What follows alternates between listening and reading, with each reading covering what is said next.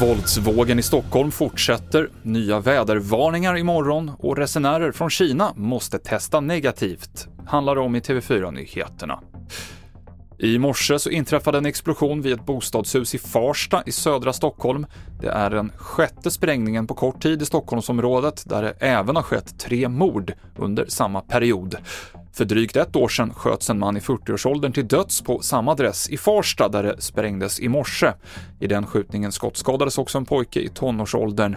Vi hör Johan Wingestad som bor i området. På något sätt har ju det här våldet eh, normaliserats eh, i mig någonstans, även om man då påminns inte minst också om vad som hände förra året.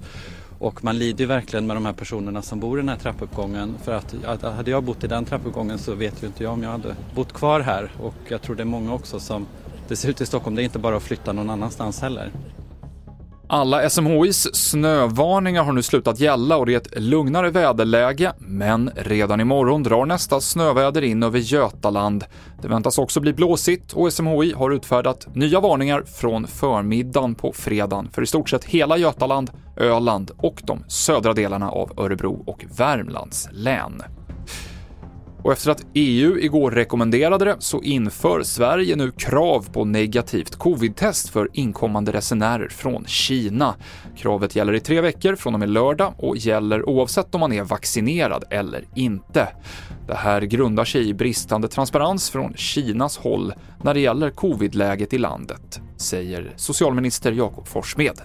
Det råder en stor osäkerhet kring rapporteringen i Kina avseende bekräftade fall läget i sjukvården och vad gäller antalet avlidna med covid-19. Det är ett mycket osäkert läge. Samtidigt lättar nu landet sina reserestriktioner vilket förväntas öka resandet från Kina kraftigt. Det sa Jakob Forssmed, kristdemokratisk socialminister. Fler nyheter finns på tv4.se. Jag heter Mikael Klintevall.